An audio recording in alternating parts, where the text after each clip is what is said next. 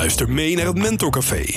Wilma Oud interviewt in deze reeks van podcasts Hans Ruinemans, Boardroom Monk. Deze podcasts gaan over geluk, gezondheid en geld. Wat speelt zich af in de bestuurskamers van Nederland? Commissarissen, topmanagers en CEO's krijgen hier allemaal mee te maken. Happiness, health en wealth. Kortom, het woord is nu aan de interviewer en de business mentor.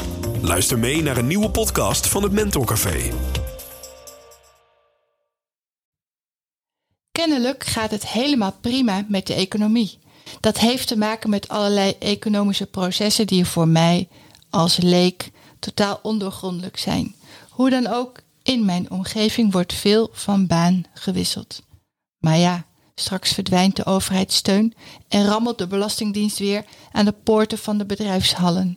Er zullen dan weer meer ontslagen gaan vallen, zo is de verwachting. En ontslag, dat is zo bitter als gekookte witlof. In deze podcast, luisteraar, zullen we het niet hebben over de ontslagen werknemer. We praten over het verlenen van ontslag. Hoe ontsla je iemand? En kan dat ooit goed? Het is een nazomer namiddag. Een namiddag in de nazomer. En dit is onze negende, nee, klopt niet. Dit is onze tiende podcast. Aan Hans Ruinemans, Boordroom Monk, stel ik de vraag: bestaat het goede ontslag? Hans, hallo, fijn dat je hier bent. Ja, dankjewel Wilma. En je vergiste je, hè? we zijn alweer aan Ja, onze de tiende, ja. de tiende podcast. Het gaat zo snel. In een maand tijd. We gaan wat rustiger aandoen, maar nu gooien we nog even de beuk er tegenaan. Ehm, maar dan ben ik ondertussen je vraag vergeten. Eh, mijn vraag eh, aan jou is: bestaat het goede ontslag? Een goed ontslag.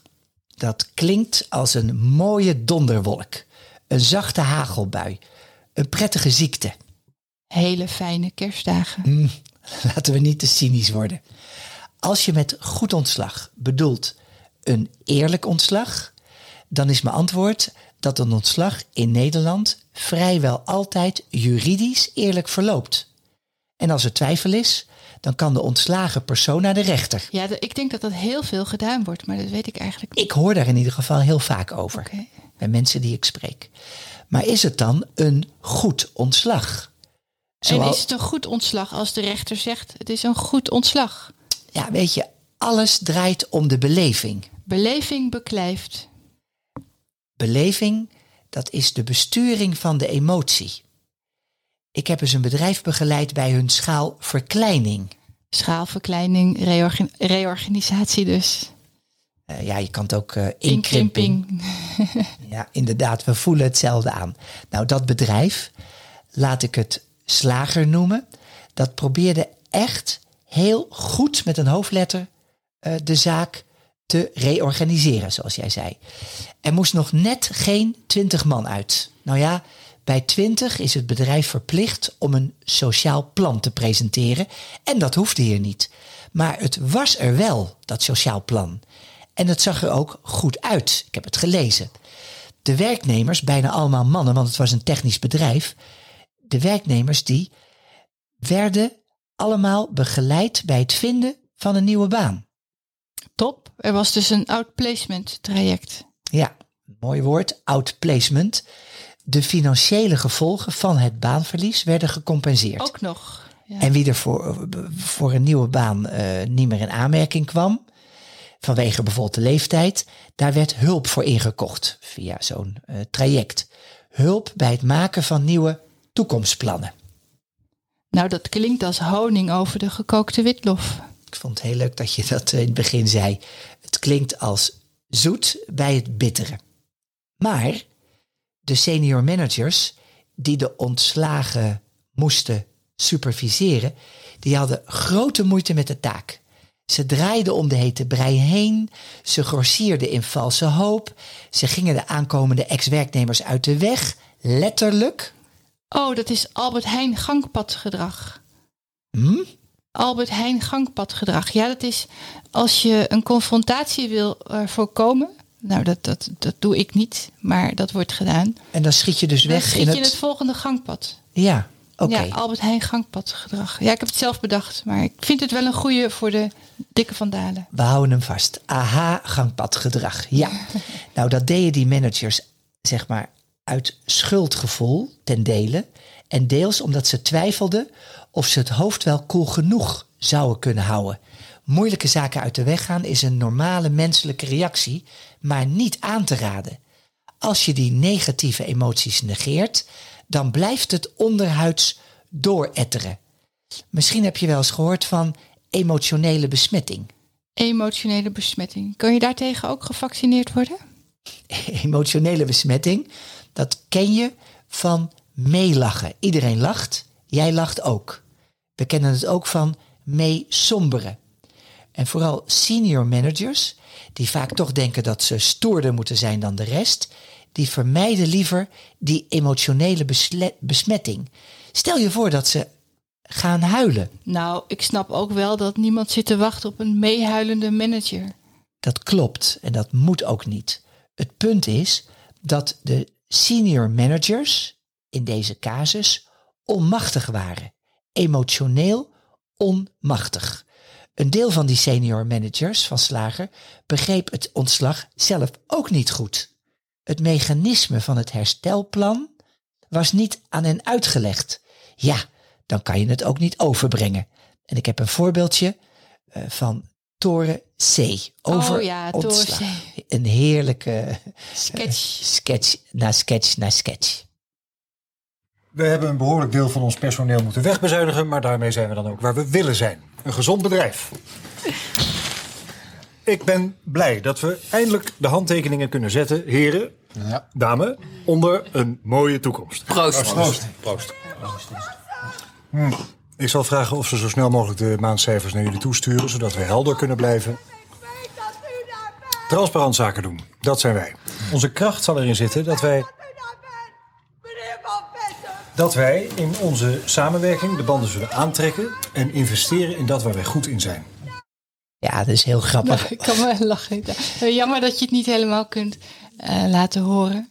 Ja, en het verhaal is, ze zitten daar eh, te vergaderen over die ontslagregeling en de toekomst van het bedrijf. Terwijl op de parkeerplaats eh, schreeuwende medewerkers dingen tegen het raam gooien. Heel, heel grappig. Terug naar mijn casus. De senior managers brachten het slechte nieuws op een vrijdagmiddag.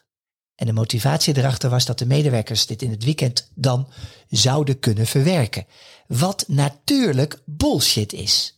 Je zit op zo'n moment vol met vragen en anders je partner wel. De mededeling werd gedaan in het bedrijfsrestaurant en een uur daarvoor was de aankondiging. Sommige medewerkers waren toen al naar huis en die hoorden het onderweg in de auto van een collega. Je moet je voorstellen wat een paniek.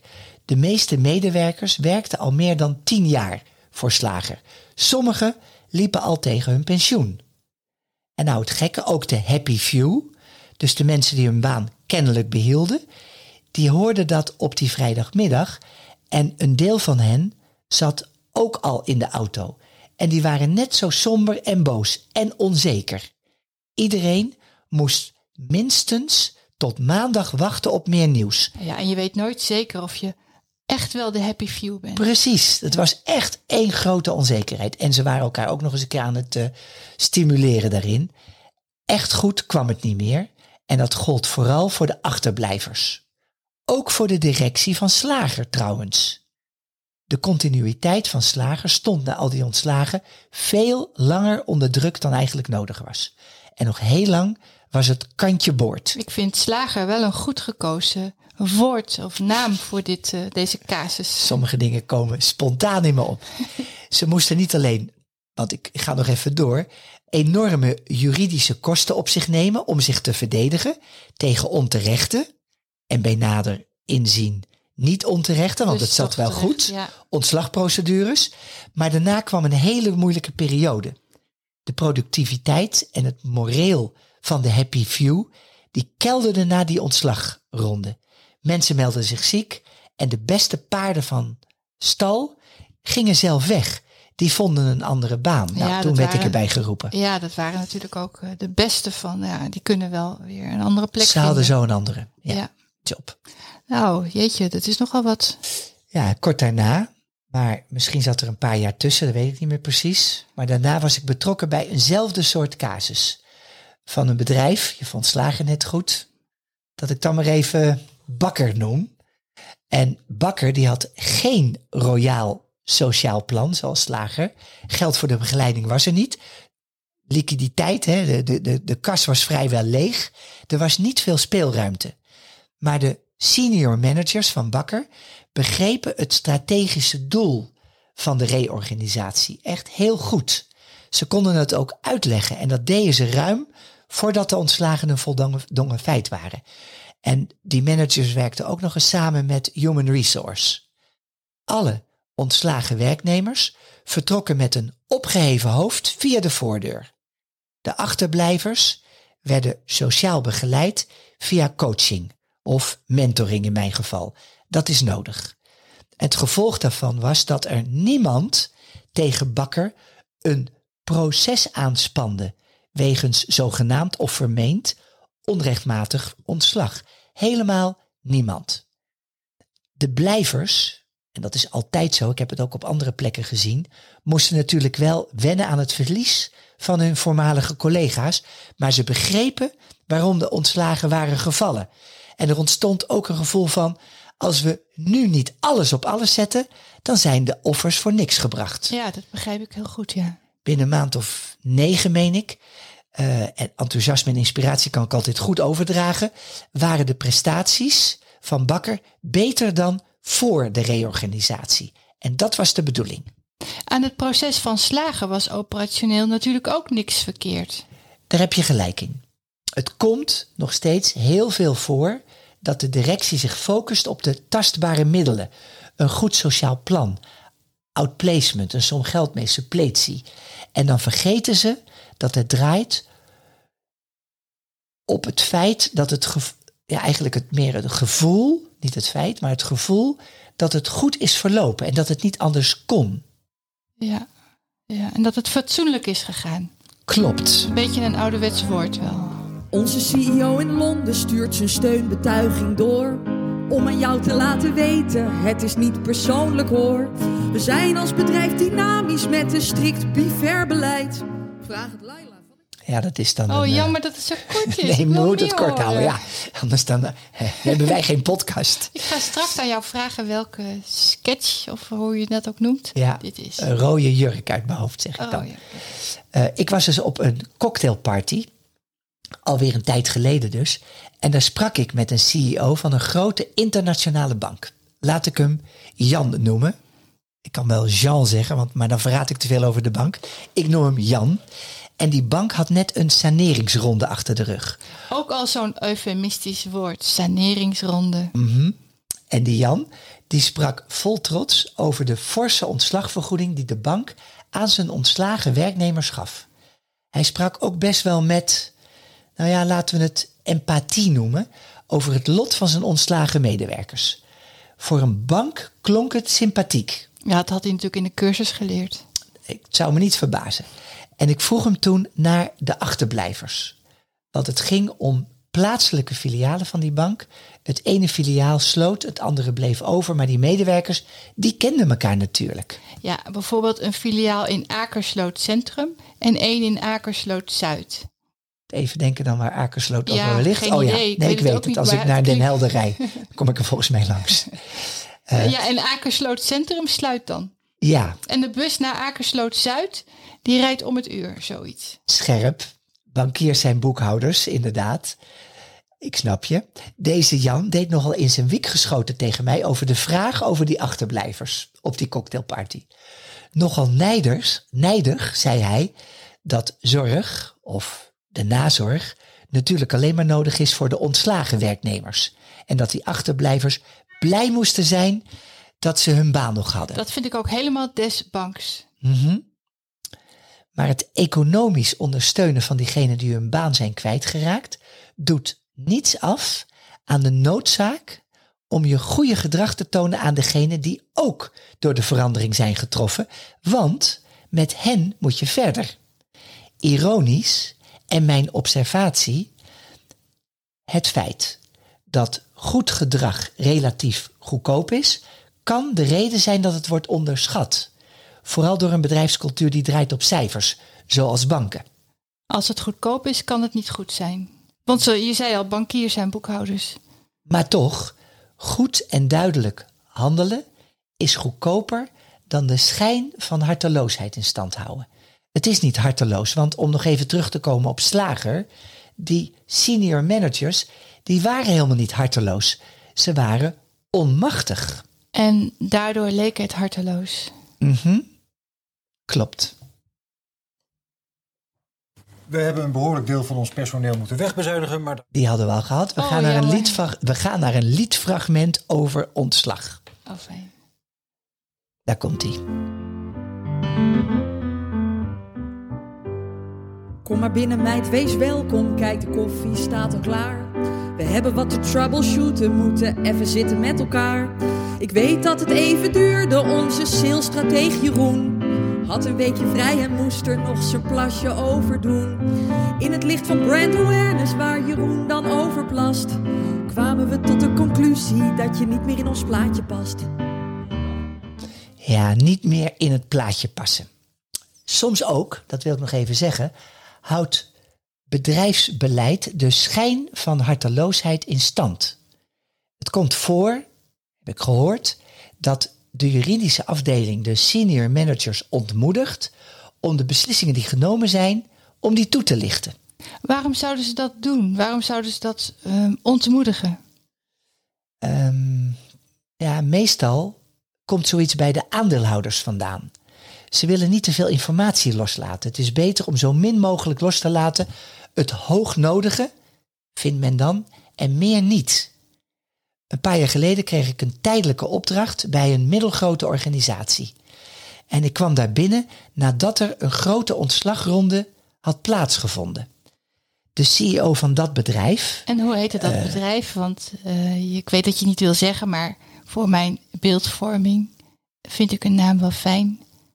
Eens kijken, Ja, We, hadden, we hadden Slager eh, ja, en we hadden het bedrijf van het... Oh, dat was het bedrijf van het Albert Heijn gangpadgedrag. Ja, en de moeizame start. We hadden Bakker, Eh, ja, die hadden geen geld, toch sympathie. exact. Ehm, En deze, ja, ik zei middelgroot, maar dat was niet zo. Het was een corporate. Ja. Deze corporate waar ik nu over spreek, die noem ik dan maar groenteman, nou, groenteboer. Vooruit. Groenteboer, goed. goed. Ja, van boer vind ik wel geschikt. Ja, groenteboer. Nou, ook bij groenteboer ontstonden de problemen na die ontslagronde. Het was bijna hetzelfde verhaal als bij slager, maar hier bij groenteboer lag de supervisie van de ontslagronde niet bij de supervisory board, maar, maar bij het middelmanagement. Eh, Sorry voor de verwarring. Oh. Het, het lag bij het middelmanagement. Ik Ja. maakte een eigen grapje. Eh, De periode daarna was er een hoog ziekteverzuim. Je bedoelt na die ontslagronde die het middelmanagement moest oplossen. Mhm. De bedrijfscultuur was ontzettend verslechterd. En er werd zelfs gesproken, toen bij die intake bij mij, over er heerst hier een angstcultuur. Oh Wat ik- ja, wat de angstcultuur weer, ja. Nee, ik vond dat, ja, nou, het is soms wel terecht, maar ik vond dat in dit geval achteraf overdreven. Zodra het genoemd wordt, is het er. Dat klopt. Het senior management team van Groenteboer wilde dat ik met de managers op het middelniveau Ja, zou gaan praten over wat het ontslag voor de achterblijvers had betekend. Want daar zat de pijn, dat begrepen ze ook wel. Nou, wat bleek? De middelmanagers, die voelden zich verraden door de senior managers en de CEO. Ze waren bokkig en ongelukkig geworden en ze gedroegen zich ook bokkig en ongelukkig. En in die toestand waren ze niet in staat om de mensen op de werkvloer bij terugkeer naar, ja, zeg maar, eh, naar die, terug te gaan naar de normale operationele gang van zaken. Het middelmanagement toonde hetzelfde gedrag als het gedrag waartegen ze zich afzetten. Ik begreep volledig hoe moeilijk het is om de mensen op de vloer te blijven inspireren en motiveren als je boos bent en als je zelf die oneerlijkheid ook ervaart. Je wordt dan het probleem dat je bestrijdt.